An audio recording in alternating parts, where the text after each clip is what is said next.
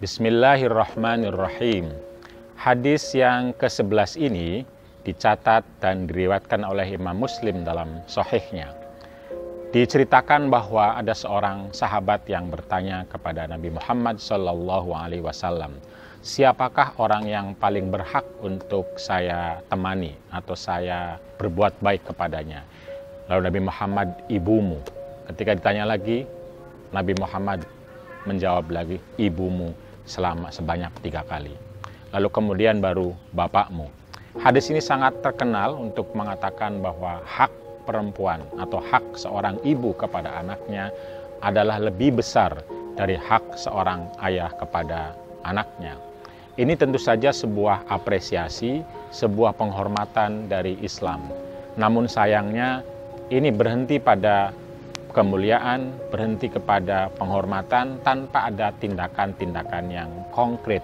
Seharusnya kehormatan yang diberikan oleh hadis ini kepada perempuan dan menjadi kewajiban kita sebagai anak atau laki-laki dan juga perempuan adalah memberikan tindakan-tindakan yang konkret kepada seorang ibu yang telah melakukan amanah reproduksi, yang telah memberikan kewajiban-kewajibannya, memberikan peran-perannya sebagai ibu untuk hamil, melahirkan, mengasuh, menyusui, dan juga mendidik dan membesarkan anaknya.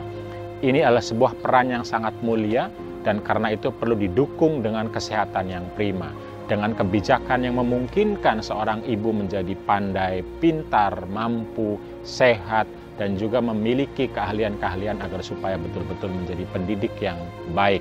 Pada saat yang sama juga tentu saja hadis ini berlaku mubadalah atau berlaku kesalingan. Siapa pun di antara kita, laki-laki maupun perempuan, yang mampu yang ikut serta melakukan amanah reproduksi untuk bisa melahirkan generasi yang kuat, sehat, dan juga uh, soleh dan soleha, dia tetap memperoleh penghormatan dan kemuliaan dari Islam. Jadi seorang suami yang ikut bersama istrinya agar supaya istri yang sedang hamil itu kuat, mampu, bisa mendidik dan juga memiliki ilmu pengetahuan untuk bisa melahirkan generasi yang baik adalah termasuk orang yang berhak memperoleh penghormatan tiga kali lebih daripada orang yang tidak melakukan hal itu.